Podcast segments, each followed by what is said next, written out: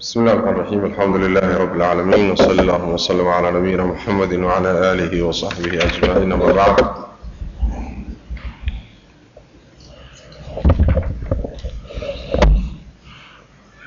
وهو الإمام كجري وكسو هليي كوحيه أما فرقوينكي طريقة السنة كبحي أما كاللحظي ayuu tusaalayaal ka bixinaya qaar ka miduu magacaabayay wuxuu yidhi marka waalmuctasilati wa kalmuctasila sida muctasiladoo kale raafidadoo kale khawaarijtoo kale murji-adoo kale muctasiladoo kale. Muctasiladu marka waa firqo ka mid a firqadaas firqooyinka lunsan waxay soo baxday taqriiban baa la yidhaahdaa qarnigii labaad bilowgiisa ayay dhalatay baa la yidhahdaa. Waxaana fikirkaas bilaabay ninka nin la yidhaahdo cataa ama wasil ibnu cataa oo arday u ahaa alimaamu xasan albasri taabicigii. Waxaa timid baa la yidhi majliska xasan albasri su'aal dhahaysa ruuxa dembiga weyn ku dhacayeen gaalnimo gaadhsiisnay murtakibulkabiira ma gaalba mise waa muslim? Su'aashaasaa timid. Markaasuu intuu soo booday baa wuxuu yidhi gaalna ma aha. Waxaa dhahaya wasil ibnu cataa. Gaalna ma aha muslimna ma aha. Waa manzila bayna almansilatayn yacni wuxuu u dhexeeyaa gaalnimo iyo islaamnimo udhexeeya boos dhexdaa buu joogaa. Alxasan albasri oo imaamkii ahaa taabiciga ah ayaa marka wuxuu ihi ictasilna naga fogow kaana dhaaf buhini balaayada wataa halkaasaa marka waxaa lagu magacaabay bay dhahaan muctasila marka fogaanshaha uu majliskii sheekha ama imaamka ka fogaaday uu afkaartan la fogaaday ayaa magacu ka yimid oo saasaa muctasilo loo yidhi. Ayib. Marka la soo ururiyo fikirka muctasiladu wuxuu ku salaysan yahay shan asal oo iyagu maxay waxay u yaqaanaan al-usuul alkhamsay dhahaan shan asal. Shanta asal midka koobaadi waxaa la yidhahdaa alcadlu bay u yaqaanaan alcadlu bay dhahaan. Alcadliga waxay ka wadaan addoonka waxa uu samaynaya qeybta macaasida ah. Ayay waxay ka saareen ilaahay taqdiirkiisa. Ilaahay ma qadarin bay yidhaha macaasida addoonku gelayo ma qadarin mana abuurin shaqana kuma leh. Allana tabaaraka wa tacaala addoommada afcaashoodoo dhanba qudradiisa iyo awooddiisu taqdiirkiisu ma galo. Mana abuurin isagu waa kaan soo sheegnay. Masaladaasay cadli dhahaan marka. Cadliga waxay dhahdaan nafyu lqadar qadarka iyo maqaadiirtoo la diido ayay u yaqaanaan cadliga. Asalka labaad tawxiid bay dhahaan. Atawxiid bay u yaqaanaan. Tawxiidkana waxay yidhaahdaan iyadana ay u yaqaanaan nafyu sifaat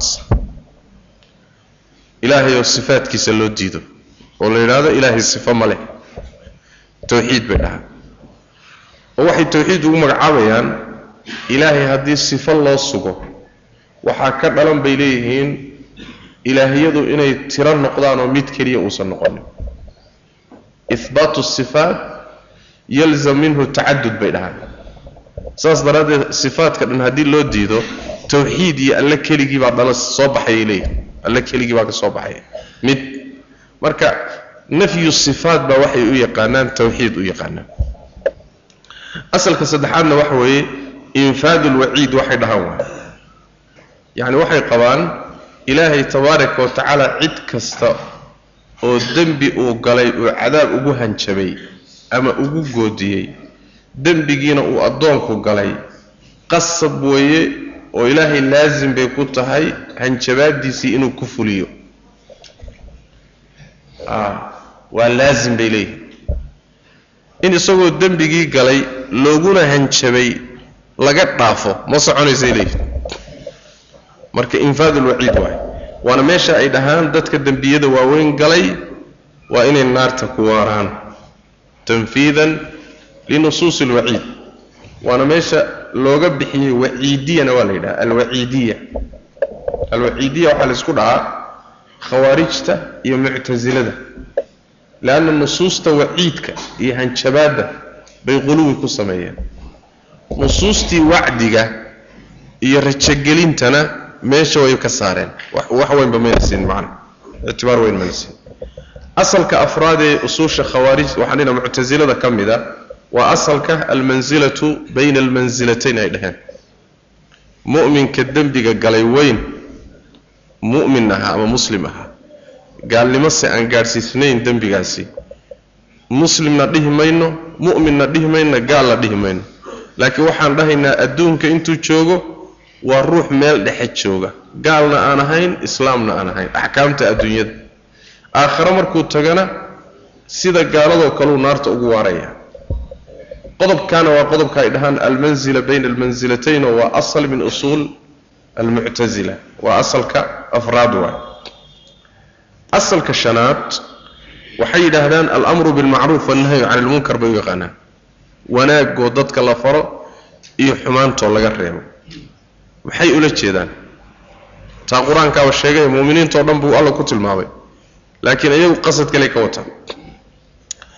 Waxay ka wataan alkhuruuju cala alwullaad cala alxukaam madaxda muslimiinta in lagu baxo hadday dembi galaan oo jawr ku dhacaan in lagu kaco oo lala dagaalamo oo seef loo qaato middaasay u yaqaanaan alamru bilmacruuf wannahyi cala almunkar marka waa shan asal oo wada khaldan magacyo fiifiicanna wada leh asalka ugu horreysa cadli bay ku magacaabeen alcadlu waa magac fiican soo ma asalka labaad tawxiid bay ku magacaabeen. Waa isagana waa magac fiican.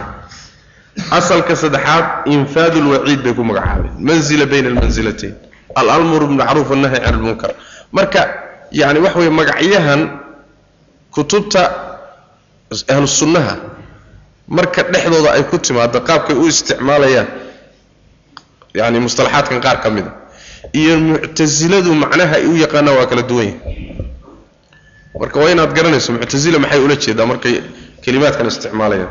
Shantaa asal buu marka ku salaysan yahay madhabka muctasiladu saas ayib waxaa ka mid a mabaadidooda asaasiga aad yani caanka ay ugu yihiin alictimaad cala alcaqli kuliyan fi listidlaal licaqaa'idi markay caqaa'idooda ay daliil u raadinayaan aslu talaqi masdaru talaqi cinda almuctasila waa caqliga masdaru talaqi.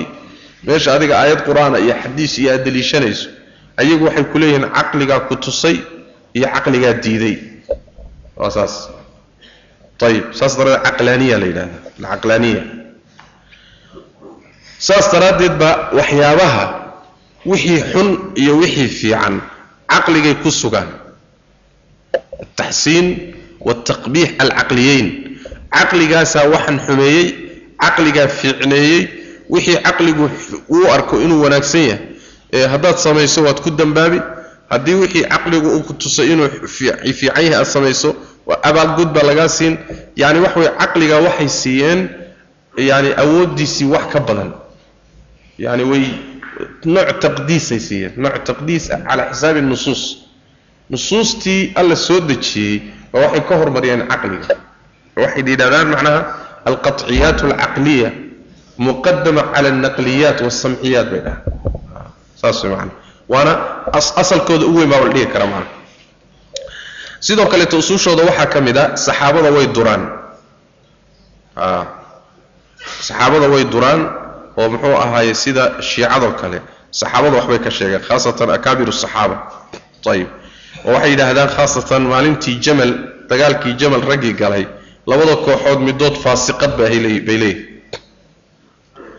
labadooda labadooda kooxood mid baa faasiqa.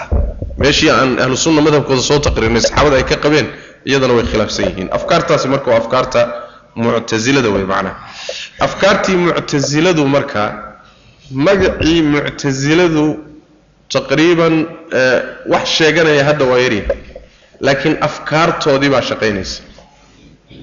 Afkaartoodii oon magacii wadanin ayaa shaqaynaysa macnaha oo in dad badanoo hadda maalan kutaabta iyo nimankan mufakiriinta mucaasiriinta la yidhahdo waqtiga xaadirka iyo in badanoo fikirkii muctasilada bay xambaarsan yihiin.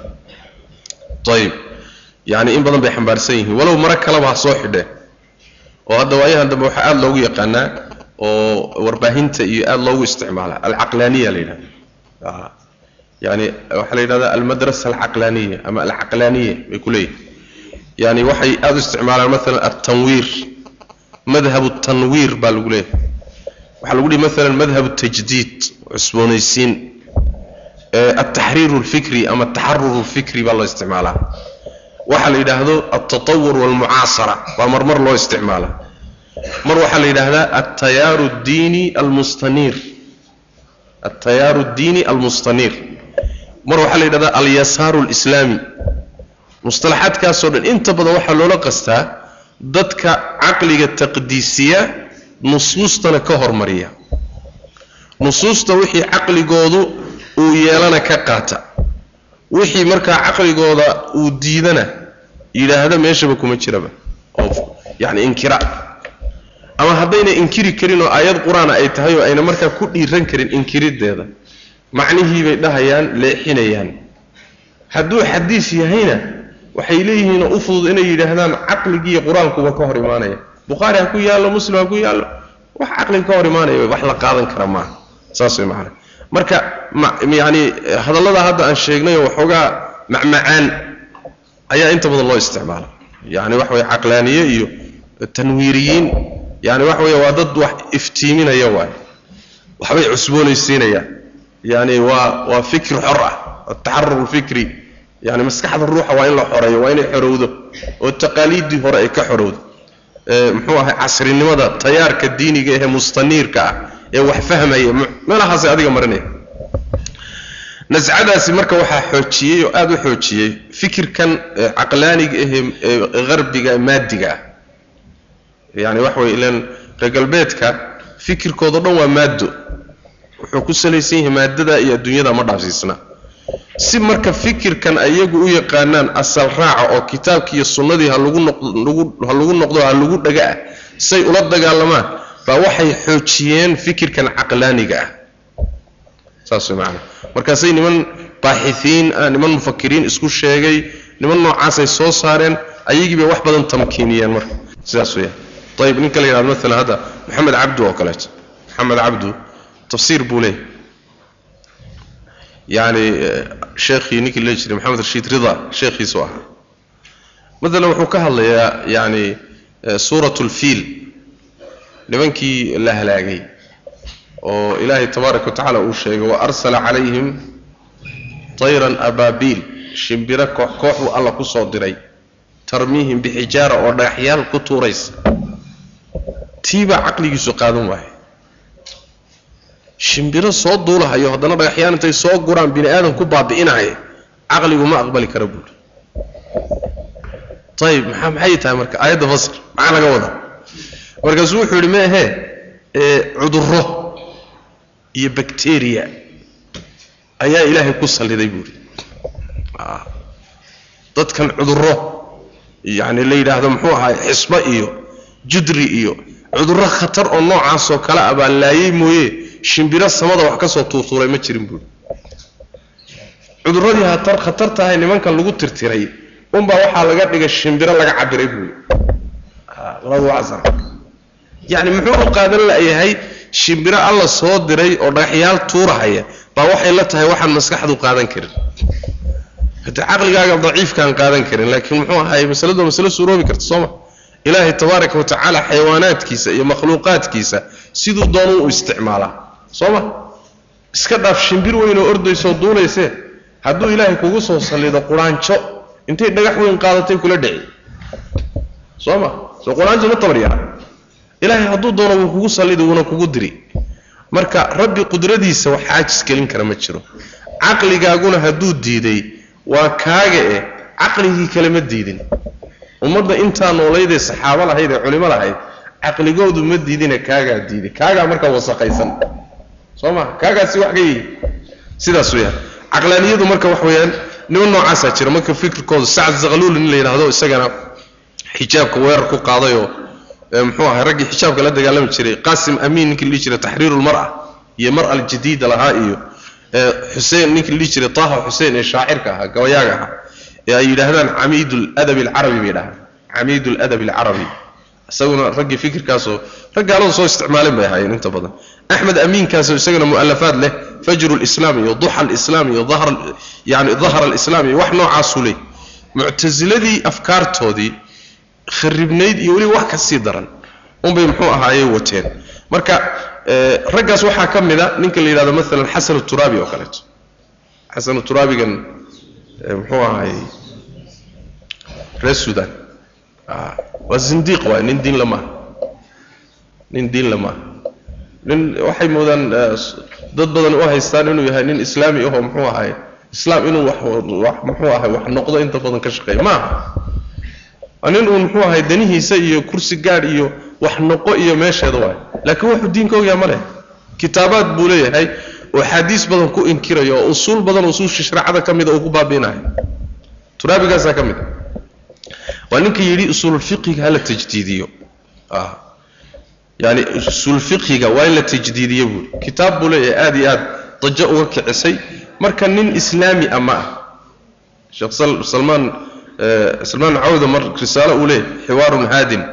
Maca maxamed nin uu muxuu ahaayey uu hazaali kula dooday turaabi buu ka hadlaya. Marka wuxuu leeyahay haddii loo turo haddii loo turo turaabi waa inuu cilmaani yahay buuri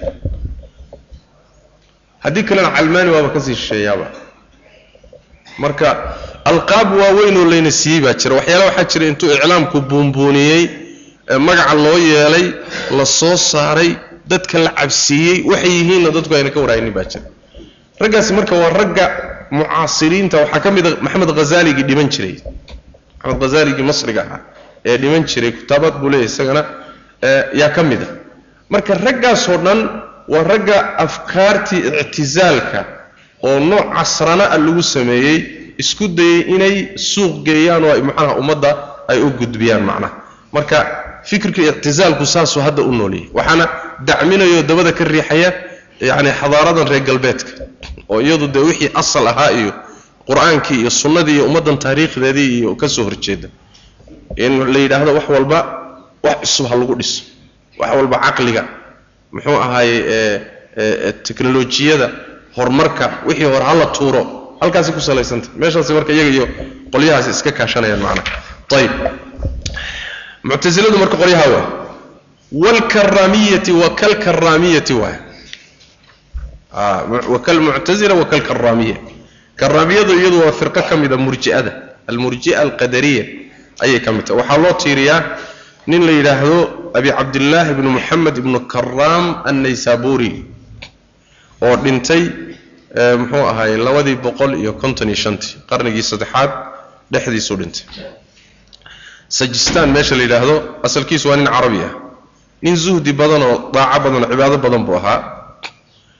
Muxuu ahaayey afkaartanuu marka la yimid afkaar buu la yimid waa afkaartii murji'ada iyo wax lagu daray waay oo wuxuu la yimid imaam iimaanku inuu yahay tasdiiqu muxuu ahaayey allisaan. Saas macana aliqraar waltasdiiq billisaan duna alqalbi. Iimaanku waxa weeyaan uun carabka un kaga dhawaaq carabka un ka rube. Haddaad doonto qalbigaaga yaysan waxba ku jira ayib marka waxaa ka mid a maalan afkaarta uu la yimid ilaahay in la garto oo lagu garto bilcaqli macrifat ullahi bilcaqli haddii ilaahay aada nusuusta ku garato oo qur'aankaa ilaahay ii sheegay xuquuqdiisa ii sheegay nebigaa ii sheegay ilaa intaad caqligaaga ka shaqaysiiso ood muqadimaad ayagu ay dejiyeen aada marto sidaa ilaahay ilaa aad ku garato maba aadan rumaynin bay ku leeyihi ilaa aad fahanto caalamkan waa xaadis. Xaadis kastana wax keenaa jira.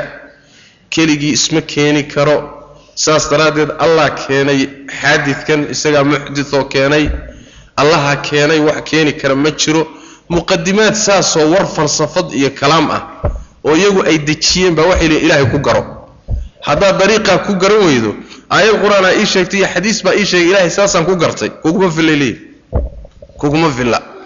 Yacni waxa warkaasi xataa kutubta firaqda inta badan ashaacirada iyo tabtaasay masalada u galaya ayib oo muxuu ahaayey ilaahay garashadiisa marka usuusha waxaa ka mid a uu la yimid yani waxa weeye ninka la yidhaahdo ibnu karaam salaada iyo soonka iyo xajka iyo cibaadadu wax niyaaba uma baahna buuri haddaad iska samayso niyad la'aan waa asaxaysaa waxaa ka mid a wuxuu yidhi ilaahay hadalkiisa iyo sifatulkalaam waa sifo xaaditha ayib alla wuu hadlay mar uusan hadli jirin baana soo martay buuri waxaa kaleeto ilaahay sifaadkiisa uu maray inay kuwa khalqiga shabahaan oo xagga sifaadkana wuxuu ka ahaa mushabihada yani ilaahay sifaadkiiyo sifada sifaadka makhluuqu waa isku mid. Muctaqadan noocaasoo baatil ah oo qaarna uu raggii ka horreeyey ka gaaray qaarna isagu uu leeyahy ayuu ibnu karaamkaasi isaguna la yimid. Dariiqadiisiiyo kooxdiisana waxaa la yidhahdaa alkaraamiya la yidhahda alkaraamiya kooxda xigta walkullaabiyati wa kalkullaabiyati buu yidhi. Kullaabiyada. Iyaguna waa koox kale ayagana waxaa loo tiiriyaa oo loogu abtiriyaa oo loo nisbeeyaa. Nin la yidhaahdo abu muxamed cabdullaahi ibnu saciid ibnu kullaab alqataan altamiimi albasri. Nin mutakalim u ahaa. Ninkaasaa marka loo tiiriyaa. Ayib isaga iyo nimanka nimanka muctasilada ah buu aada ula doodi jiray oo la murmi jiray. Isagana wuxuu dhintay labadii boqol iyo afartankii laba boqol iyo afartankii hijiriga ayuu dhintay. Taqriiban ibnu karaam iyo ibnu kullaab way isku dhowaayeen xagga dhimashada toban toban sanay kala dambeeyeen. Isku waqti bay ahaayeen. Ninka la yidhahdo cabdullahi ibnu saciid ibnu kullaab marka oo dariiqada kullaabiyada loo tiiriyo isaguna yacni waxa weeyaan inta badan afkaartiisu waxay u dhaxaysaa afkaarta ahlu sunnaha iyo afkaarta muctasilada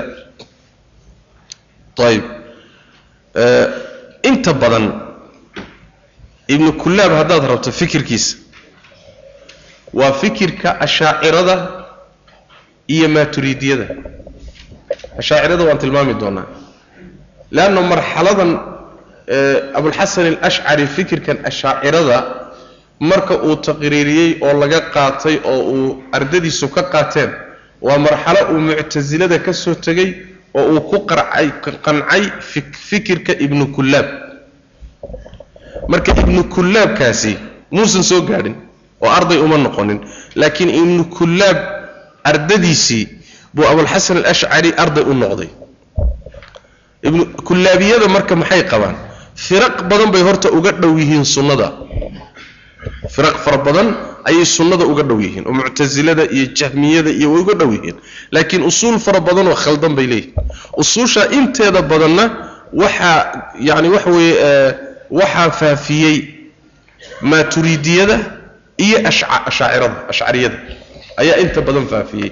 Isaga waxa weeyaan ma xoogaysaninoo yani afkaar bay noqotay laakiin ka daa'ifo ahaan fikirkoodii qolyo kale ku adeegay oo macnaha faafiyey. Sidaas way macnaha marka kullaabiyadu qoladaas waa kullaabiyadu waa qoladaas. Wasaalimiyati wa kasaalimiyati saalimiyadoo kale waa. Saalimiyadu ayagana waa qolo kaleeto waxaa loo tiiriyaa nin la yidhaahdo abu cabdillaah moxamed ibnu axmed ibnu salim albasri oo wuxuu isaguna geeriyooday labadii boqol iyo sagaashan iyo toddobadii laba boqol sagaashan iyo toddobadii hijriga ayib wiil uu isagu dhalay baa uga dambeeyey fikirka oo isaga la yidhahdo abu abulxasan axmed ibnu maxamed ibnu salim ayaa uga dambeeyey oo isaguna saddex boqol iyo lixdankii hijriga dhintay. Ayib. Ninkaasi marka culimadii selafka rag ka mid a ayuu u ahaa arday u ahaa. Waa ninkan ibnu saalimkaas saalimiyada loo tiiriyo. Isagu waxaa la yidhaahdaa wuxuu u badnaa dhanka tasawufka dariiqooyinka suufiyada iyo difaacooda yuu u badnaa. Oo quluwiga cibaadaadka iyo bidaca khuraafaadka aan salka lahayna ilaahay loogu dhowaanayo ayuu inta badan u badnaa. Sifaadka ilaahayna waxaa la yidhaahdaa way sugi jiray laakiin quluwi iyo xadgudub buu samayn jiray. Sida mushabbihadoo kale waa ka badbadin jiray. Sida maalan allah tabaaraka wa tacaala wuxuu qabay inuu awliyadiisa si caddaana isugu muujiyo adduunyada. Yacni si cad ninku hadduu weli yahay isagoo adduunka joogo ilaahay daalacanaya alla ka hor muuqdaa wuuba arkayaaba. Saas way macnaha oo waana midda sufiyada xataa qaar ka mid a ay yidhaahdaan muxuu ahaayey haddii aan elbiriqsi aan hortayda ilaahay ka weyn lahaa oo araggiisa uga qarsoomi lahaa inaan mu'min ahayba nafteyda kuma tiriyaan waxba kama jiro ma ilaahay baa adduun lagu arki karaa? Soomayna soo marnay? A waan soo marnay. Ilaahay lama arki kara adduunka yani cid arki karta ma jirto. Aadamuhu uma uma uma samaysna. Awood uu ilaahay ku arki karo adduunka. Nebi muuse arki lahaa haddii la arki karo soo ma?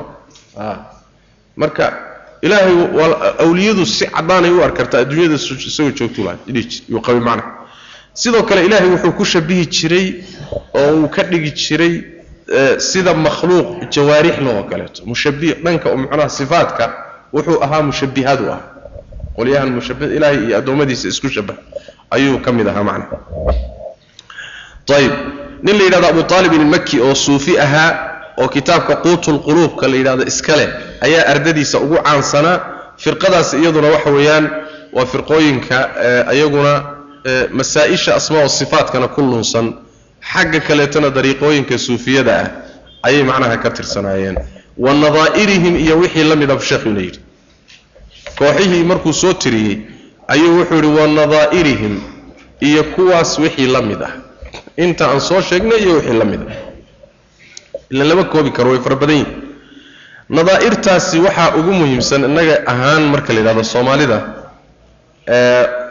qolada la yidhaahdo ashaacirada inaan wax ka ogaano leanna inta kaleba waxay qabeen kooxaha kale waxay qabeen. Innaga waxay inoo soo martay oo ina soo gaadhsiiyey nimanka la yidhaahdo ashaacirada afkaartan kale taqriiban ama firaqdan kale wax uu nisbo sheeganaya ama ku abtirsanaya ama kutubtooda darsaya taqriiban yani wax weeyaan ma jirtaa la dhihi karaa. Hadday jirto xataa ma badna innaga ahaan marka la yidhahdo laakiin kooxda afkaartan ay wax inaga soo gaadheen oo ina soo gaadhsiisay waa nimanka la yhahdo ashaacirada. Nadaa'irtaasi marka gelayaanoo kooxahaasi ku khaldan usuul waaweyn ayay ka mid tahay.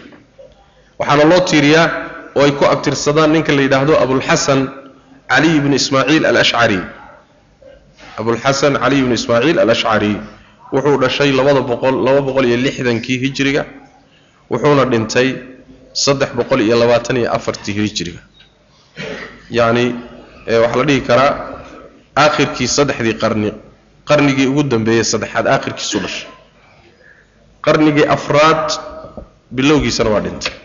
Noloshiisu halkaasay ku baagtaagnay asal ahaan wuxuu ku abtirsadaa abulxasan ninkii la dhihi jiray abu muusa alashcari saxaabigii jaliilka ree yamaneed. Halkaasaa abtirkiisu gala baa la yidhaha. Asalkiisa abulxasan alashcari basruu ku dhashay ciraaq ayuu ku dhashay. Fuqahada markii ugu horraysayna wuxuu wax ku bartay oo wax baray. Fuqahada muctasiladaa wax bartay. Yaraantiisii markuu hana qaaday. Shuyuukhdii wax bartay muctasilay ahaayeen khaasatan wuxuu arday u noqday oo laasimay ninka la yidhaahdo abu caliyin ajubbaa'i hooyadii muqaymiyaa la yidhaahdaa. Aduu waxa weyaan ninay aada isu dhowyiin dhankaana waa ahaa ninkaasu marka arday khaasa u noqday. Abu caliyin min ru'uusi lmuctasila waa. Muctasilada raggoodii waaweynaa mashaaikhdabuu ka mid yahay. Ninkaasuu la joogay oo cilmiga ka qaadan jiray ilaa uu gaadhay afartan jir ilaa uu gaadhay ilaa afartan intuu ka gaadhay ninkaasuu arday u ah. Nin fasaaxo badan oo xujadiisu xoog badan tahay oo dood badan oo jadal badanna wuu ah abulxasan alashcari ayib muctasilada marka waagii intuu muctasiliga ahaa wuu difaaci jiray. Oo xujadiisa iyo doodiisa iyo aad buu u difaaci jiray. Saas way macnaha afartanka kadib markii afartan u dhammaaday ayuu marka wixii dib u fiiriyey waxay sheegaan kutubta taariikhdu shan iyo toban beri buu yuu guri isku xidhay baa la yidhaha guri buu laasimay ma soo bixin. Kadibna masaajidku u soo baxay basra masaajidka ku yaallo u soo baxay kursi buu fuulay. Markaasaa wuxuu yidhi man carafanii faqad carafanii waman lam yacrifnii fa innii ucarifuhu binafsii buui ninkii i yaqaanayna waa i yaqaanay.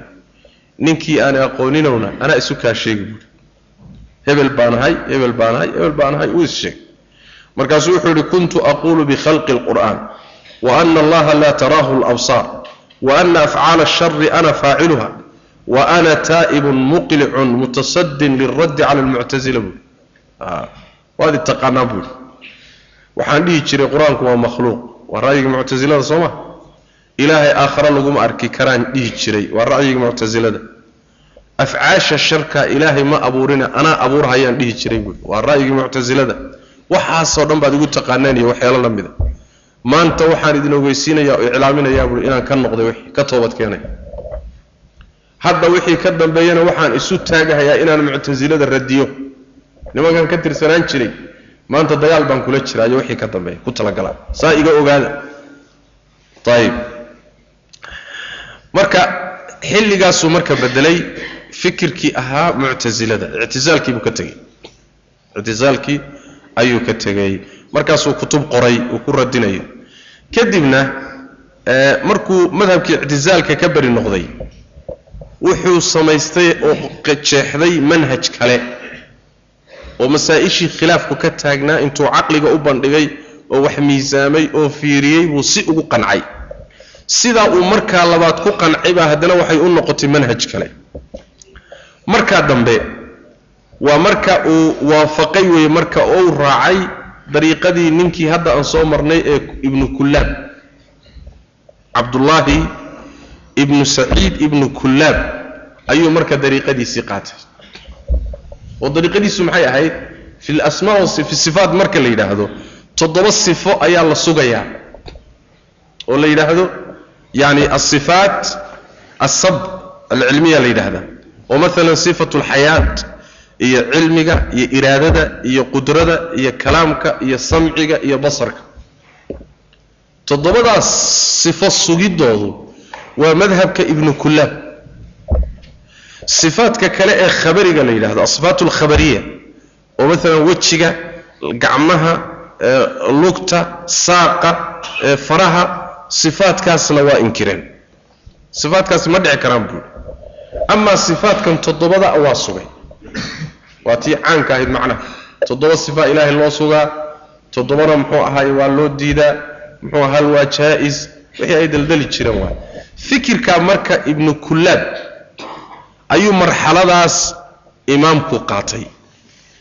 Ayib marxaladaa wey marxalada marka ardada uu yeeshay oo fikirka laga guuriyey oo fikirka laga qaatay oo la faafiyey madhabka ashcariga hadda loo yaqaanana waa marxalada ibnu kullaab madhabkiisa waa ibnu kullaab madhabkiisa markuu ku qancay imaamku muctasiladiina ka soo tegey markaa way marxalada hadda ay soomaalida soo gaadhay ee wadaadadu ay ashcariyada loo yaqaano taa iyadaa ee ay taqriiriyeen raggii isaga ka dambeeyey. Oo qaarkoodna ardadiisii ahayn qaarna ay ka sii dambeeyeen macna.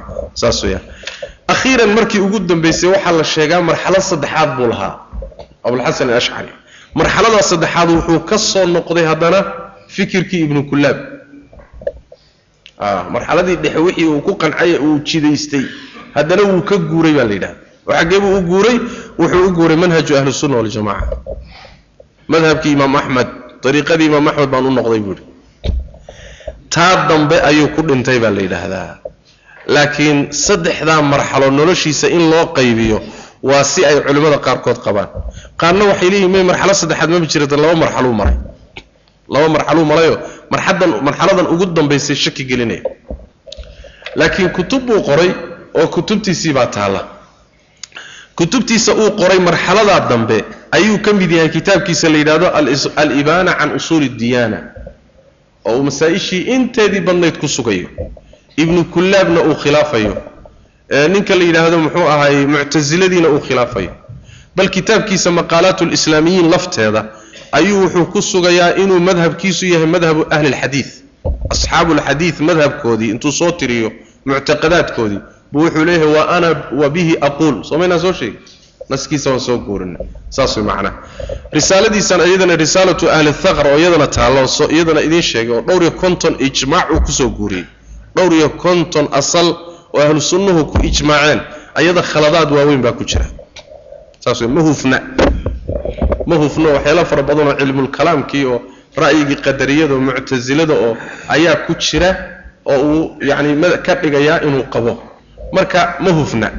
Adiga si la yidhaahdaba ama laba marxalo ka dhig ama saddex marxalo ka dhige imaamku akhiiran markii ugu dambaysay wuu isku dayey inuu u soo noqdo madhabkii iyo manhajkii saxaabada iyo salafka iyo a'immada khaasatan alimaamu axmed caleyh raxmatullah oo ramsi u ahaa manhajka ahlusunna waljamaaca yacni u ahaa ramsi markii la imtixaanay oo imtixaankii ilaahay ka saaray tabaaraka wa tacala kadib. Ayb kutubta imaamku uu leeyahay alimaam abulxasan alashcari in badanoo ka mida mutaakhiriinta ashaaciradu way inkiraan laakiin inkaarkoodu macno weyn kuma fadhiyo usuushoodu maxay tahay marka usuushooda usuusha ashaacirada. Usuusha ashaacirada bilikhtisaar markaan soo gaabino masderka talaqiga oo lagu kala saarayo maxaa saxsan maxaa khaldan? Khaasatan masaa-ishan usuusha ah. Masderkoodu waa caqliga. Sifaadka qaarkay sugeen iyo qaarkay diideen waxaa miisaan u ah caqliga. Qodobkaana muctasiladii bay kala mid yihiin masdaru talaqi asal ahaan qadaayaadkan caqliga waay qawaacidda ahlulkalaamkana sidooda waa saas. Taqdiimu alcaqli cala alnaqli cinda tacaarud waay caqligiiyo naqligu hadday isku dhacaan waxaa la hormarinaya caqligaa la hormarinaya dilaalat lcaqli baa la hormarinaya. Marka waa waa madhab falaasifada ka soo jeeda oo mutakalimiinta iyo muctasilada iyo ra'yigooda way macna waxaa ka mid ah usuushooda ka mid ah cadamu alakhdi biaxaadiisi alaaxaadi fi lcaqiida axaadiista aaxaadda loo yaqaano oo mutawaatirka aan ahayn caqiidada looma daliishan karo ra'yigaana asalkiisa muctasilada iskale axaadiiu alaaxaad ixtijaaj ma gasho fii masaa'il اlusuul masaa'il alcaqiida waa ra'yu lmuctasila ashaaciraduna ayagay ka qaateen saas way leanna waxay leeyihiin cilmi yaqiiniya ma faa'iidayso ayib sidoo kaleeto usuul lcaqiida saddex qaybood bay u qaadayaan mastarka laga qaadanayo qismi oo caqliga keliya laga qaato iyo qismi caqligiiyo naqligaba laga wada qaadan karo iyo qismi naqliga keliyata lagu koobayo saddexdaa bay u kala qaadaan tafaasiisheeda hadda ma geli karno kadalika waxay ku khilaafeen ahlu sunnaha ay ku khilaafsan yihiin ashaaciradu ilaahay jiritaankiisa qaabka loo sugayo. Ahlu sunnaha iyo qur'aanku manhajku ku tusay. Allah jiridiisa qur'aankaa ku tusay. Waxaa kaloo ku tusay aayaadka rabbiyee kownigee muuqda makhluuqaadkiisa ayaa loo deliishanayaa rabbi jiritaankiisa. Waana masale fitri ah laakiin ashaaciradu waa khilaafsan yihiin ashaaciradu iyagu falaasifadii mutakalimiintay ku khilaafeen asalkaa isaga ah oo waxay yidhahdeen alkownu xaadith walaa budda lahu min muxdiثin qadiim waakhasu sifaati اlqadiimi mukhaalafatu lilxawaadih wacadamu xuluuliha fiihi wamin mukhaalafati lilxawaadih ihbaatu anahu laysa bijawhar walaa jism walaa fii jiha walaa fii makaan wax noocaasoo muxuu ahaayey isaga dhanba wareer ah bay isku dayaan dariiqo noocaasa ilahay jiritaankiisa inay ku sugaan macna ayb waana midda ay ka dhalatay inay inkiraan ilaahay sifaatkiisa ficliga ah yacni qaacidadaasi falsafiga ah ayay ka dhalatay inay ilaahay inkiraan sifaatkiisa oy inkiraan ilaahay ridihiisa iyo qadabkiisa iyo istiwaahu calaa carshihi yani waxa weye culuwuhu calaa khalqihi inay inkiraan macna. Iyagoo leh yani sugiddeeda waxaa ka dhalanaysa xuluulu lxawaadii fi lqadiim adigu wax way falsafo un iska wey macna. Mas'alat liimaan marka la yidhaahdo ashaaciradu waa murji'o alashaacira fi masaa'il aliimaan ra'yigoodu waa ra'yu lmurji'a oo waxay leeyihiin waxaa ku filan ruuxa islaamnimadiisa shahaadateynka inuu ku dhawaaqo carabka kaga dhawaaqo. Annutqu bishahaadatayn ayaa ruuxa islaamnimadiisa ku filan. Saas way macana sidaas daraaddeed ruuxaan tukanaynin oon sakaynaynin oon xajiyaynin oo aan wax cibaadaa la imaanaynin waa waa muslim bay ku leeyihiin oo maxaa dhacay xataa wuxuu doonay ha sameeyo qubuurta ha baryo oo carrada ha ismarmariyo. Oo kownkan awliya ka talisa ha yidhaahdo. Oo muxuu ahay carruurta sheekh cabdulqaadir jinaani baa isiiye ha dhaho. Oo daawada isagaa bixiya ha yidhaahdo. Mana tukado. Waa muslim bay ku leeyihiin war maxaad muslimka ka dhigteen? Wuu ashahaadanayaa a shahaadadii buu ku dhawaaqaya waa ra'yulmurji'a waay. Soo ma? Waa ra'yulmurji'a sidaas daraaddeed fii masaa'il iimaan alashaacira murji'a. Meesha soomaalida irjaagu ka soo galayna waa kaas wax kastaba samee. Wax kasta haddaad samayso. Soomaaligu wuxuu ku leeyahy war ninka waa soomaaliya seed ku gaalaysiinay a seebuu ku gaaloobi waa muslim waaba soomaaliya waa muslim. Maxaa muslim ka dhiga waa kan oo gaalnimaa buu ku dhex jiraa may hadda waa soomaali. Marka fikirkaasi wuxuu inaga soo galay xagga ashaacirada. Fikru lirjaa baa ina saameeyey. Saas inaga soo galay. Leanna sida xaqiiqada waxa way madhab ahlusunna waljamacana uu yahay ruuxa muslimka ah islaamnimadiisu markuu shahaadateynka ku dhawaaqo qalbigana ka ictiqaadiyo laabudda min camal. Soo ma? Wax camalaba haddaadan la imaanayno ilaahay loogu dhowaado kayfa takuunu muslim leanna tiir tiirarkii iimaanka ka mid ah duunsan soo maa laabud.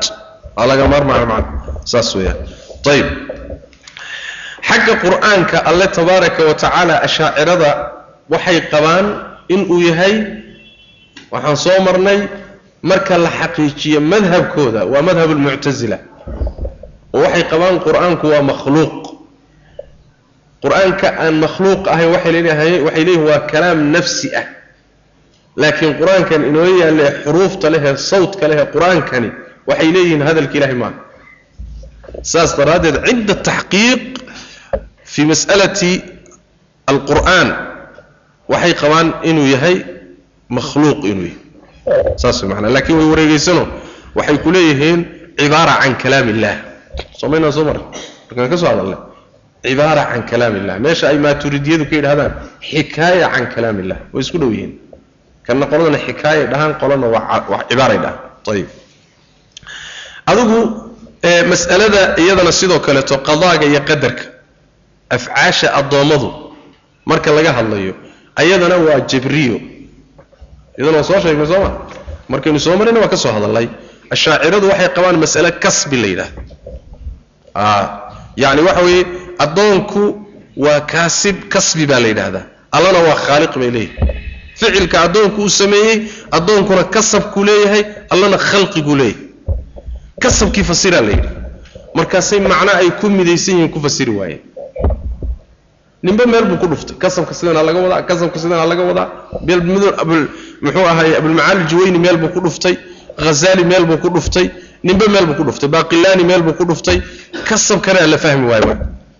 Markii la xaqiijiyey waxay noqotay marka waxaan xaqiiqo lahayn.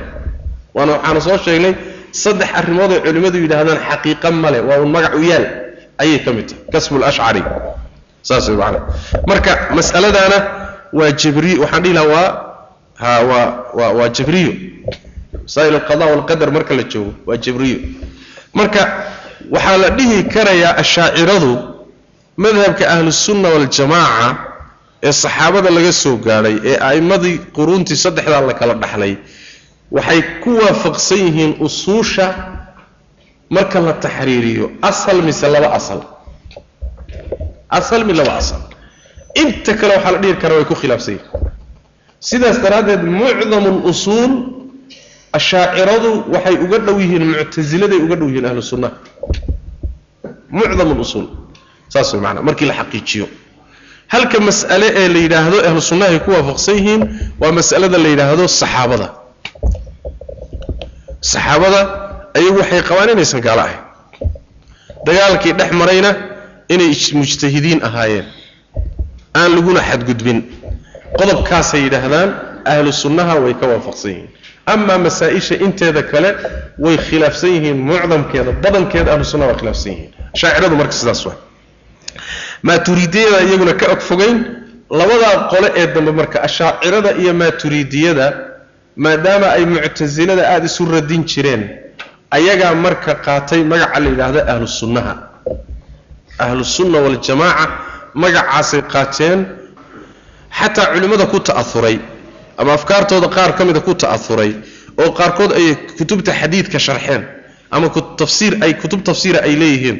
Ahlusunna waljamaaca hadduu ku yidhaahdo ninku wuxuu ka wadaa maaturiidi ama ashcari buu ka wadaa adigiina kula aadin madhabkii saxaabada iyo meesha ha aadin hala aadin macna. Saas weya muhiim wey in la fahmo.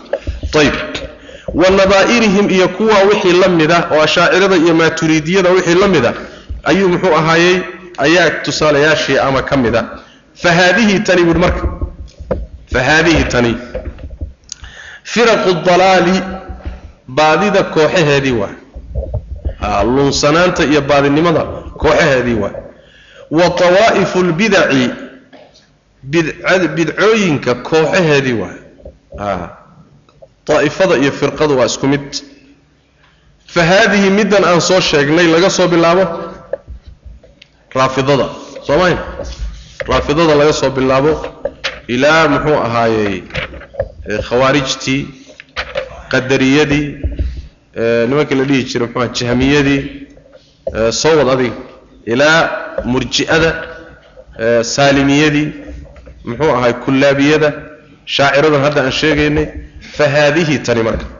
Firaqu dalaali luunsanaanta firqooyinkoodii waa firqooyinkii luunsanaa waay wa tawaa'ifu lbidaci bidcooyinka kooxahoodii waay kooxihii bidcada iyo hawada ku dhacay qur'aanka iyo sunnadan khilaafay wey acaadana allahu allaha naga naga badbaadiyo allaha naga nabadgeliyo minhaa xaggeede bidacda iyo dalaalka iyo kooxahaasba allaha laga nabadgeliyo tabaaraka wa tacaala allaha naga magangeliyo oo hanaga badbaadiyu le imaamku aamiin firaqdaasi marka waxa weye waxay ka mid yihiin oo la dhihi karaya waxay ka baxeen dariiqii saxaabada kitaabka iyo sunnaduna ku tusay nebi maxamedna uu ka tegey salawaatu rabbi wasalaamu calayh dariiqa isagaa taabiciinta iyo a'immadii waaweynaaye saddexdii qarni ee diinta laga soo gaadhay iyo dariiqoodii bay ka leexdeen. Dariiqoodii bay ka leexdeen. Su'aal baa la isweydiinayaayo. Ma la dhihi karaa waxay ka mid yihiin laba-iyo soddonka firqo? Waxaan dhihi laha labiiyo toddobaatanka firqaan dhihi laha ee ahlunaarkaabay ka mid yihiin ma la dhihi karaa? Ilan nabigu salawaatu rabbi wasalaamu caleyh ummaddiisu inay iskhilaafi doonto ma sooma sheegin xadiidka cawf bin malik iyo keyrkiiba nabigu sal lay slam yahuuddu toddobaatan iyo kow kooxood bay noqdeen. Muxuu ahaayey nasaaraduna toddobaatan iyo laba ummaddayduna toddobaatan iyo saddex kooxood bay noqon doonta kulligoodna naartay gelayaan hal mid mooye. Middaa markii la weydiiyeyna waa jamaacada buu nabigu sal lay slam waa dadka ku midaysan dariiqaygii iyo dariiqii saxaabadayda. Jidkaa haya waa ayib su'aal baa marka isweydiin laho waxaa la isweydiinayaa ma la jasmin karaa oo ma goyn karnaa inay gelahayaan toddobaatan iyo labada kooxoodee naarta gelaya ma jasmin karnaa a'immada sunnada ee salafka qaar ka midaa jasmin jiray oo dhihi jiray yacni waxa way maalan muxuu ahaayey cabdullahi mubaarak oo kale. Cabdullahi ibn mubaarak mar la weydiiyey wuxuu yidhi ummaddu intay isu u qaybsantay baa la yidhi. Markaasuu yidhi asalku waa wuxuu yidhi waa afar firqo waay. Asalka kooxuhu afar firqay u qaybsamayaan bur shiicada iyo xaruuriyada waa khawaarijta iyo qadariyada iyo murji'ada. Koox walba marka kooxay u sii kala jajabtay way sii qaybsantay buuri ilaa ay gaadheen toddobaatan iyo labadaa kooxood. Tiradii buu marka sheegay markaasaa waxaa la weydiiyey oo lagu yidhi oo de jahmiye maadan ku darinin. Soo ma jahmiye maxaad ugu dari weyday afar baad sheegtay. Markaasuu wuxuu yidhi innamaa sa'altanii can firaqi shariica buu yidhi. Ama an firaqi lmuslimiin kooxaha muslimiinta soomaaday weydiinin haa. Dee jahmiya ma muslimiintaa lagu tiriyaa buu yidhi. Aniga koox muslimaad i warsatay buu yidhi. Jahmiyana aniga islaam iguma jirto buu yidhi. Kuwaasi uun yahuudiya meelaha ka agday ama muslimiin iskhilaafay oo kooxo oo dariiqa ka baxay laakiin aan weli diinta ka bixin. Haddaad i weydiisay. Afartan weyaan iyagana way sii kala jabeen bu ayib marka waa jiraan a'imo ku tiriyey oo muxuu ahaayey kooxahan jasmiyey inay firaqii naarta gelaya ay yihiin. Laakiin sheikhulislaam ibnu taymiya caleyh raxmatullah asagu wuxuu taqriirinayaa oo leeyahay xadiiska nebigu sal alla lay wasalam tansiilintiisa lagu fadhiisiiyo koox kooxaha ka mid ah. Waa mas'ale ijtihaadi ah. Waana soo tilmaanay xalay soo mahayn waa masale ijtihaadi ah. Nas dhahaya ma jiro qur'aan ama sunna oo dhahaya kooxahaasi toddobaatan iyo labada ah waxaa ku jirta muctasilada soo ma? Nas dhahaya ma jiro. Culimmadii markay fiiriyeen khilaafkooda intuu la egyahay iyo fogaanshaha ay ka fogaadeen sunnadiiyo dariiqii saxda ahaa ayay markaasi dhahayaan firqadani kooxihii toddobaatan iyo labaday galayaan. Marka waa ijtihaad soo ma? Nin ku fadhiisiiya iyo ninaan ku fadhiisiinin. Saas man halkaas marka imaanaysaa ibnu taymiya isagu wuxuu leeyahay masaladaasi waxay u baahan tahay taxadar aad u fara badan. Markii la leeyahay koox xibla kooxihii toddobaatan iyo labadii bay ood ku fadhiisiinayso ood ku dabaqayso waa masale u baahan ijtihaadiyadana ah una baahan muxuu ahaayey muxuu ahaayey taxadarkeeda.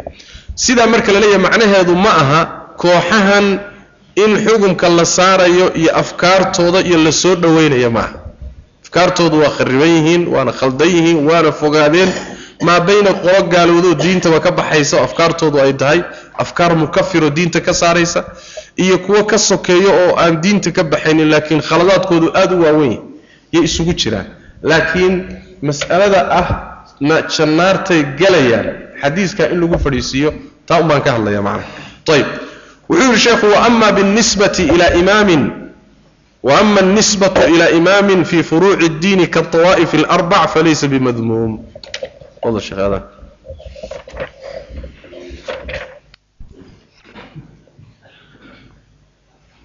nisbayn ilaa imaamin imaam loo nisbeeyo binisbati tiirin ama abtirin ama abtirsi ilaa imaamin imaam xaggii lagu abtirsado fii furuuci ddiini diinka furuucdiisa dhexdeeda kaawaa'ifi alarbaci sida afarta madhaboodba sida afarta madhabood oo kale falaysa ma ahaanin nisbadaasi bimadmuumin mid caayan ma ahaanin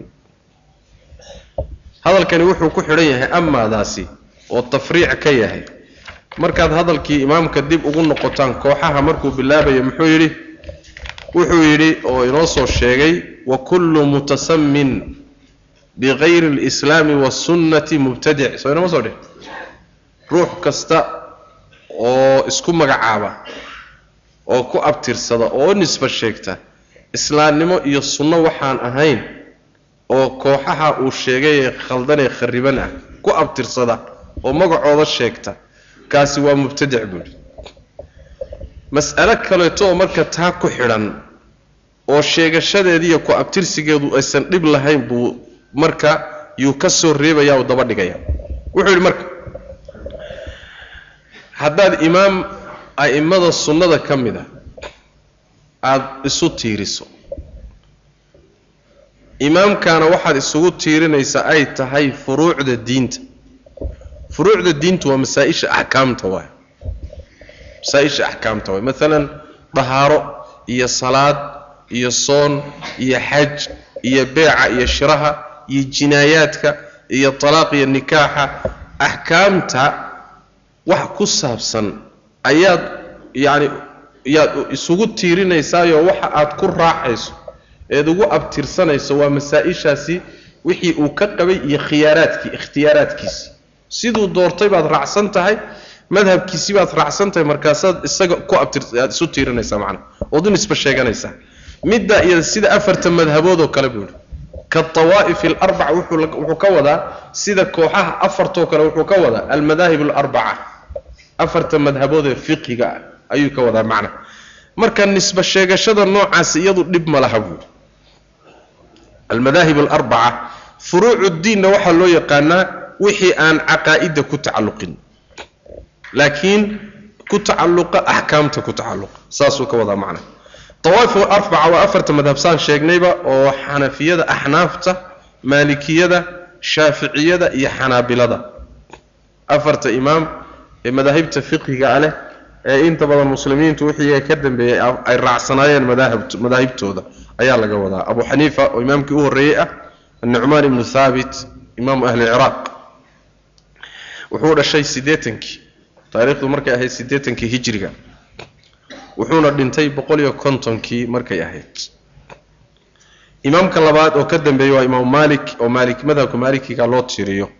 Maalik ibnu anas alasbaxi imaamu daar alhijra wuxuu dhashay baa la yidhaahdaa sagaashan iyo saddexdii hijriga wuxuuna dhintay boqol toddobaatan iyo sagaalkii hijriga imaamka saddexaadii waa imaamu shaafici nisba oo muxuu ahaayey muxuu ahaay shaaficiyadaan dhihi lahaa oo iyadana waxaa loo tiiriyaa alimaam moxamed ibnu idriisin ashaafici wuxuu dhintay sanadka abu xaniifa wuxuu dhashay baan dhihi lahaa.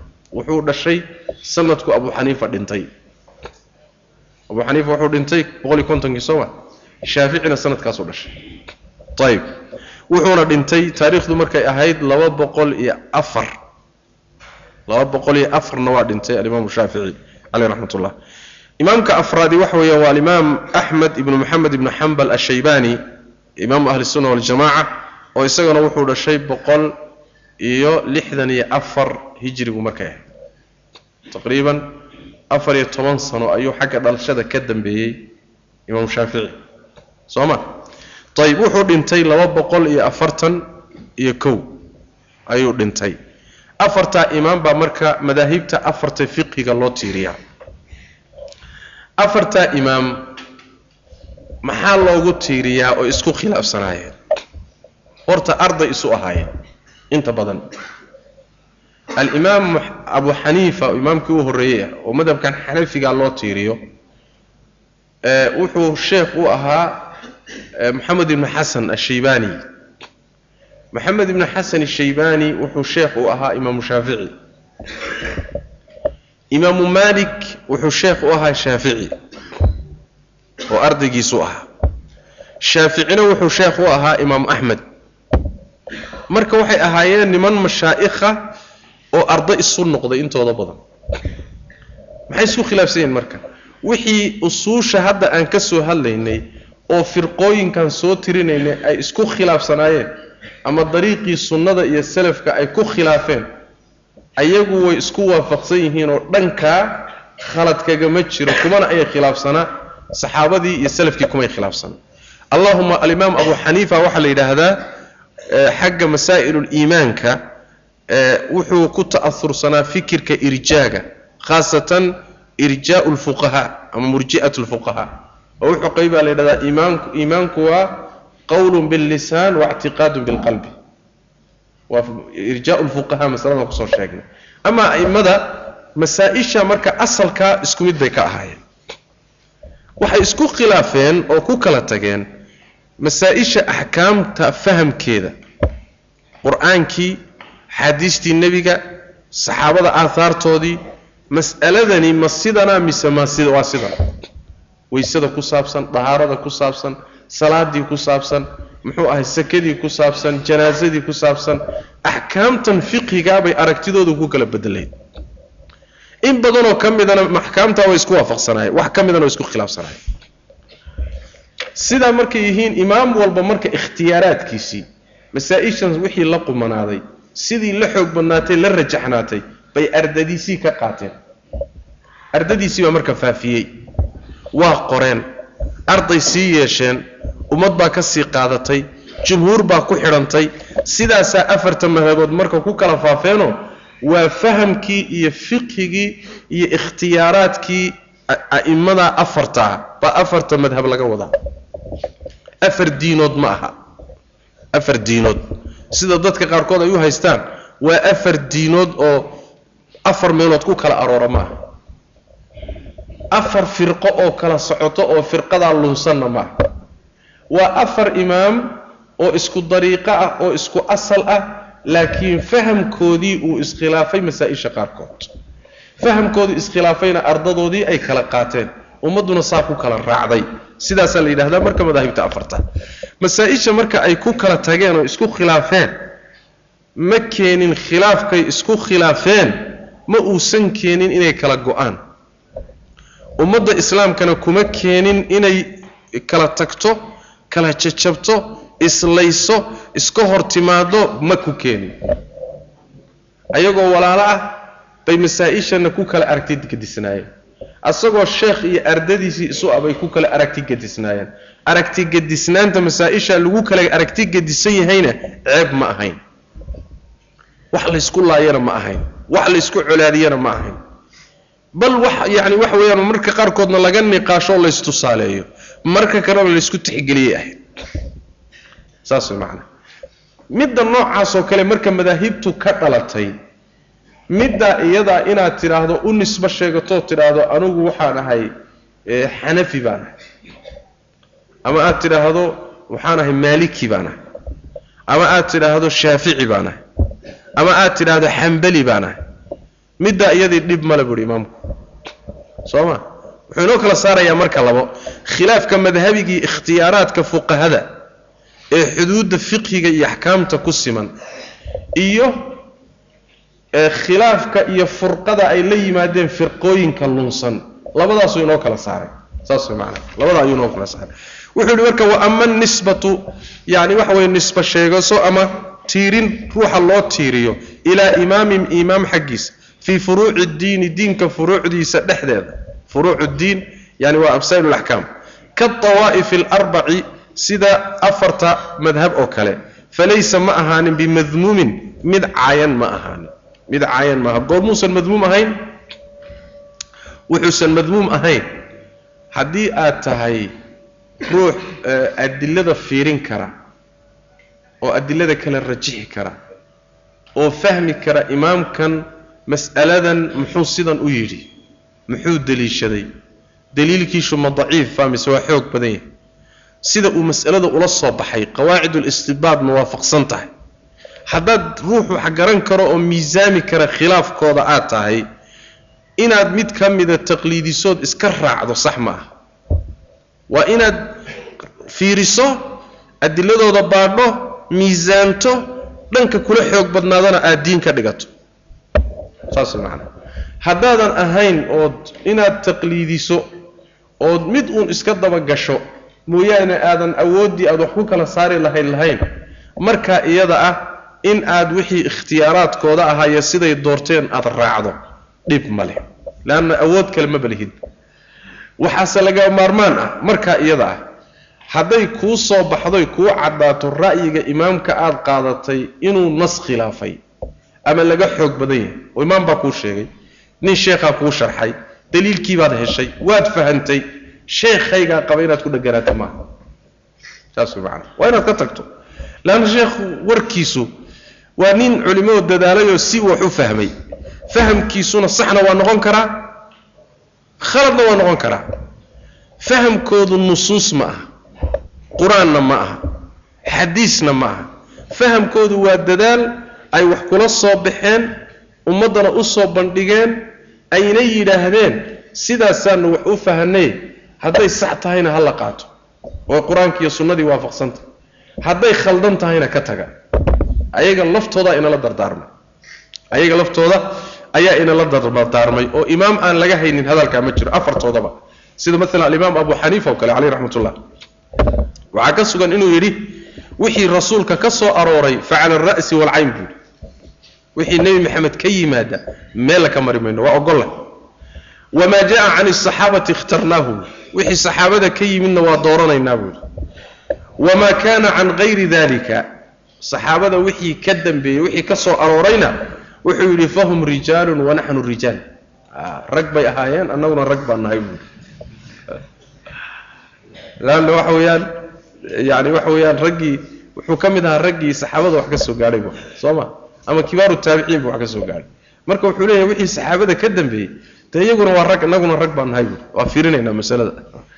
Ayb alimaamu malik bn anas isagana waxaa ka mid a hadalladiisii uu dhihi jiray inamaa ana basharun ukhti wa asiib. War bini aadam baan ahay waan gafi marna waan asiibiyo xaqa waan heli.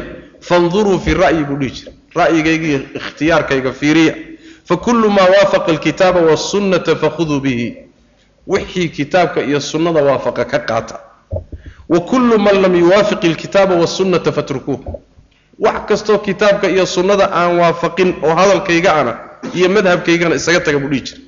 Aw abayeelina alimaamu shaafici caleyh raxmatullah baa isaguna wuxuu dhihi jiray idaa wajadtum fii kitaabii khilaafa sunnati rasuuli illah faquluu bisunnati rasuuli illaahi wadacuu qowlii haddaad kitaabkayga ku aragtaan iyo hadalladayda wax sunnadii nebiga khilaafsan iyo xadiiskiisa ka taga hadalkayga sunnada nebigana qaata. Taas macnaa yacni wuxuu leeyahay haddii xadiis sugan oo nebiga ka sugan aadi aragtaan anoo khilaafay caqligaygii waa tegay ogaada waan waashay buu dhihi jiray.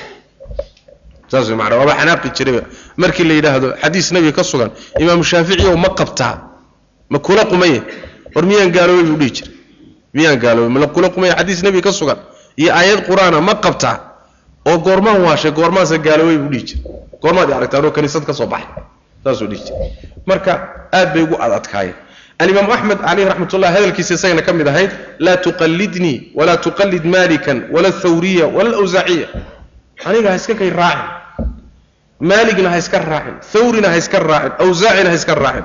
Wakhud min xayu akhaduu buu dhihi jiray. Meeshay ka soo qaateen u noqoo ka qaado. Ceelka ka cab xaggay ka qaateen ya kitaabkiiyo sunnada.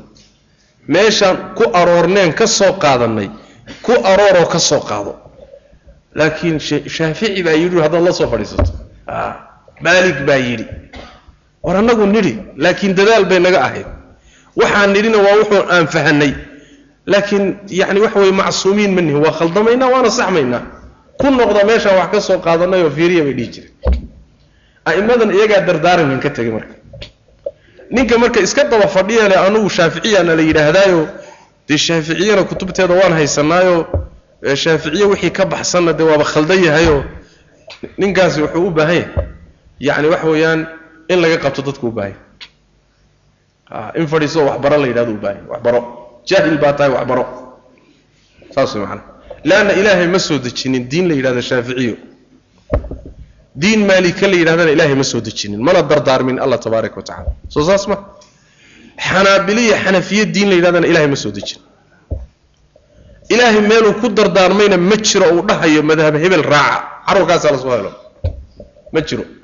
Sheekh hebel fahamkiisa ha la raaco iyo madhabkiisa wax dhahaya ma jiro. Haayatu maa fi lamri maxay tahay? A'immadani way dadaaleen. Way khidmeeyeen. Sunnadii iyo qur'aankii bay u khidmeeyeen laakiin waxay soo saareen iyo fahamkoodii iyo fiqigoodii iyo madhabkooduba waa bashar. Soo ma miisaankii baan haysanaayo wixii miisaanka waafaqana waynu qaadan. Wixii miisaanku khaldana ya waxaan dhahaynaa iyaguna waa dadaaleene ajir bay leeyihiin allah u naxariisto ku xadgudbi mayno laakiin wixii kitaabka iyo qur'aanku didiye sunnadu waxaan leenahay inaga daaya qur'aanka iyo sunnadaynu qaada soo saas ma ayaga laftooduna inay iskhilaafaan sababtaasaa keenay. Shaafici inuu ardaygiisu khilaafo axmed inuu khilaafo. Axmed inuu khilaafo oo masaa'il ku khilaafo isagoo ardaygiisa waxba kama qabin. Soo saas ma. Ha waxba kamuusan qabin. Leesh leanna shaafici waxaa u muuqday masaa'il ka qarsoontay isaga oo uu ku khaldamay inuu axmed sixi karo. Alimaamu maalik waxba kama qabin. Ardaygiisa shaafici inuu khilaafo leanna masaa-ishan uu ku khilaafayo waxaa dhici kartay inuu isagu ka hayo xaqii hadduu adigu kaa qarsoomay ardaygaagu ha muujiyo ummaddu ha fiiriso ma ardaygaagaa saxsan mise adaa saxsan ummaddu ha kala doorato adigana wixii ilaahay uu ku waafajiyin baad sheegtay sooma ha oo ilaahay kugu addoonsaday tabaaraka wa tacala waa saas bal waxaan qariib ahayn in imaamka laftiisii imaamka laftiisii in uu kala doorto oo markuu meeshan joogona uu si u fatwoodo markuu meel kala tagana fatwadiisii la qumanaan weydo uu bedelo soo ma inuu bedelo alimaamu shaafici caleyh raxmat ullah sida caanka. Wuxuu leeyahay laba madhab ama laba qowl buu leeyahay.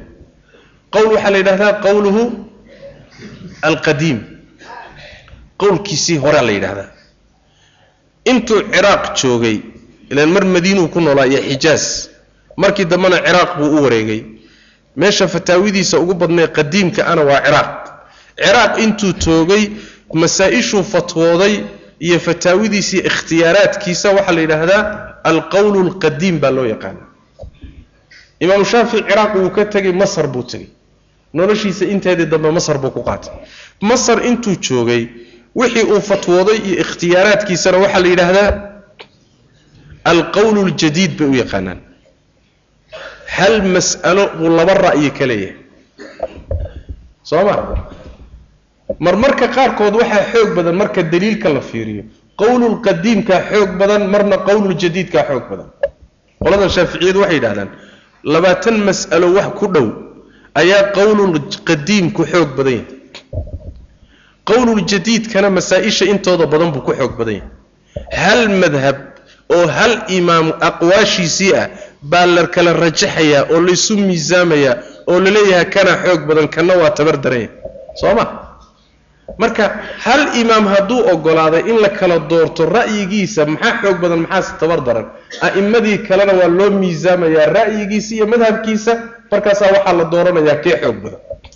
Soo saas ma laakiin waxa weeyaan hal madhab oo la dardaarmay oo xaqu ku urursan yahay haddaad tidhaahdo waa jira oo madhabkaa xaqu kama baxo aqwaashiisuna waa wada xaq. Kutubtadiisa waxa ku yaallana waa wada xaq. Wixii khilaafsanna waa khaldan yahay. Madaahibta kalena waxba kama jiro. Maalikiya waa wada khaldan tahay. Xambaliya waa wada khaldan tahay. Xanafiya waa wada khaldan tahay. Maxaa saxsan? Shaaficiyada ma wada saxsan. Iyo kutubtooda waxa ku yaalla. Waxaa tahay ninaan waxba u kala baxsanayn in islaamka lagaa qabto aad u baahanta marka. Fadhiiso in lagu yidhaha waxbaro baad u baahanta leanna a'immadii madhabkuna ma dhihin kuwii ka dambeeyey ma dhihin culimmadii ma dhihin kulligood waxay lahaayeen war waxani waa faham noo muuqday hadduu saxsan yahayna qaata. Hadduu saxsanaan waayana ha laga tago oo culimmadaa kale ra'yigooda ha la qaato. Taasaa marka masalada lagu kala saariyo ceeb maaha markaa falaysa bimadmuumin buu ina yidhi wuxuusan madmuum noqonaynin markaynan mas'aladu sidaa noqonino imaamka ra'yigiisana laga faa'iidaysan. Khilaafka culimmadu ay madaahibtaasaa isugu khilaaftayna la kala dooran bixasab daliilka kii xoog badan. Markaad wax kala weydana oo wax kale kuu suuroobayo tabartaada ay noqotona ra'yigooda waa taqliidin. Leanna waxa weye markaad waxba kuu suuroobayaan ama awood aadan lahayn aadan waxna garanayn. Nin culimo aqoonlood weydiisana aada weydo. Marka inaad taqliidiso oo iska dabagasho tidaado sheekh hebel baa sidaas yidhi ood iska raacdo. Waa bannaanta. Leanna ruuxa awood kale ma leh. Awooddiisaa intaa ku eg macnaha marka taa iyadii ceeb ma aha oo firaqdii oo kale la mid ma aha. Khilaafka madaahibta fiqiga ah firaqdii oo kale khilaafkooda ma aha. Saas daraaddeed inaad sheegato dhib male inuu imaam nawowi yimaado oo yidhaahdo shaafici baan ahay dhib male inuu yimaado ibni xajar oo yidhaahdo shaafici baan ahay dhib male inuu bayhaqi yimaado yidhahdo shaafici baan ahay dhib male inuu abu yacla yimaado yidhahdo xambali baan ahay dhib male maxamed bin xasan iyo yani waxa inay yidhahdaan xanafiyaan nahay dhib male goormayna dhib lahayn waxay dhib aysan lahayn. Marka aad nisba sheegashadaasi aynan keenaynin inaad daliilka diiddo meeshii mada meeshii madhabkaaga lagaga xoog badan yahayna inaad ka leexato markayna keenaynin waa. Inaad ka leexa weydo markayna keenaynin waa markaad iska sheegashadaas dhib male alsheekh ibn baas caleyh raxmat ullah baan majmuuc fataawigiisa ku taallaa fataawi muxuu ah maqaalada fataawi mutanawica. Waxaa la weydiiyey madhabkaagu muxuu yahay. Markaasuu wuxuu yidhi xambali baana.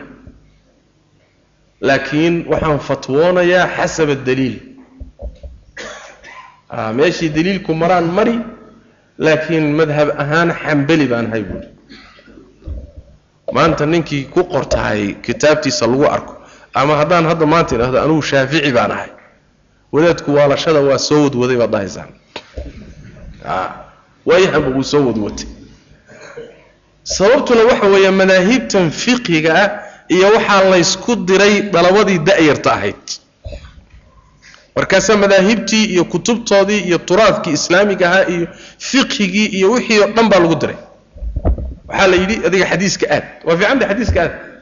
Buluqulmaraamka akhriso oo muxuu ahaayey muntaqaha akhriso oo bukhaariga akhriso oo sunanka akhriso oo wixii aad gaari karta gaadh laakiin fituraadka weyn ee dhaxalka ah ee culimmadii ka tagtay ee noloshii ummadda in badanoo ka mida meeshan kaydka looga helahayo maaha in aad ka fogaatoo tidhaahdo maya anugu kuwan soo maa wadaad warkiisa maxaaba iilu goynaya qur'aanka iyo xadiiskaan heli karaa midda keentay weeye natiijada keentay weeye in maanta laga la'yahay soomaalida dhexdeeda fuqaha fiican laga la'yahay. Fuqaha fiican. Fuqaha markii loo baahdo raggii hore minhaajka iyo akhrisan jiray baa loo noqonaa. Run miyaa mise been a sax tafsiir akhrista xadiis akhrista. Laakiin masaladu markay fiqi u baahato oo la yidhahdo masaladan ha la saleeyo yacni waxa weeye waxay u baahanaysaa lale war minhaajka wadaadadii la akhrisay ha la raadiyo. Leanna annaga manhaajkii baabaa lanagu dirayba. Manhaajkii iyo kutubtii fiqiga ayaana lagu diray. Xaqiiqada jirtana waxa weeye sida uu leeyahay sheekh ibnu cuthaymiin caleyh raxmatullah iyo weliba sheekh albaniba ninka taalibulcilmiga ee doonaya inuu faqiiha noqdo marka hore waxaa la doonayaa inuu ku tafaquho fiqhigii madhabiga ahaa fiqhiga madhabiga inuu ku tafaquho leanna afarta madhab baan hal mar wada qaadanaya haddaad tidhahdo oo maalan kutubtii adilada intaan u noqdaan madaahibtii afarta hal mar wada dhegaysanaya. Xanaabiladu saasay tidhi shaaficiyadu saasay tidhi maalikiyadu saasay tidhi xanafiyadu saasay tidhi arday mubtadi aad tahay. Afartiiba marka lagu wada sheego waxna ayna wax badanna kuu bilownayn. Ma wada qaadi kartaa? Ya marka hore hal madhab kutubta mukhtasaraadka ku soo baro marka asalkaaga iyo tacliintaadu soo yara kacdo marka waxaad gaadhaa fiqiga la yidhaahdo fiqulmuqaaranka inaad madaahibta isgarab dhigto kala rajaxdo xilligeeda gaad laakiin wixii haddaad iska dhex jiidho oo dhibka haddana haystaa waxay imaanaysaa man dalaba alkul faatahu lkullu waana natiijada maanta ina haysata waa. Kulli hal mar ninkii raba inuu wada ururiyo kulli way wada dhaafahayaan soo ma? Yani waxa weeyaan maalan tusaale ahaan yani ai baa kaa adhi baa kaa diday. Waxoogaa xayn adhi ah baad wadatay adhigii baa diday. Adhigii markuu diday baa waxaad istiri maxaa kugu dhacaya dhexdaad soo istaagi adhigiina wada carar. Baynama waxaa kuu roodhaan lahayd laba un xaggooda intaad u ordo ama saddex saddexdaa inaad ku midtido xunbaa kaaga hadhi lahaa soo saas ma. Xunbaa kaaga hadhi lahaa marka waxaan adoo wada qaban karin hal mar bilowga aad isla raadinayso. Waa midda keentay natiijo la'aanta in dalabatul cilmigii iyo saxwadii dadkay soo saartay maanta lagala yahay dad fuqaha oo loogu noqdo fiqhigii iyo axkaamtii ummaddu ay u baahnayd. Insha allahu tacaala habeenka sabtidu soo gelaysaan dhammaystiri doonaa insha allah tacala intii noo laaban. Maalinta jumcada habeenka sabtidu soo gelayso ayaan dhammaystiri doonaa biidn illah hada billahi tawfiq wsala allahuma wasalam cala nabiyina moxamed wcala alihi wasaxbi wasallam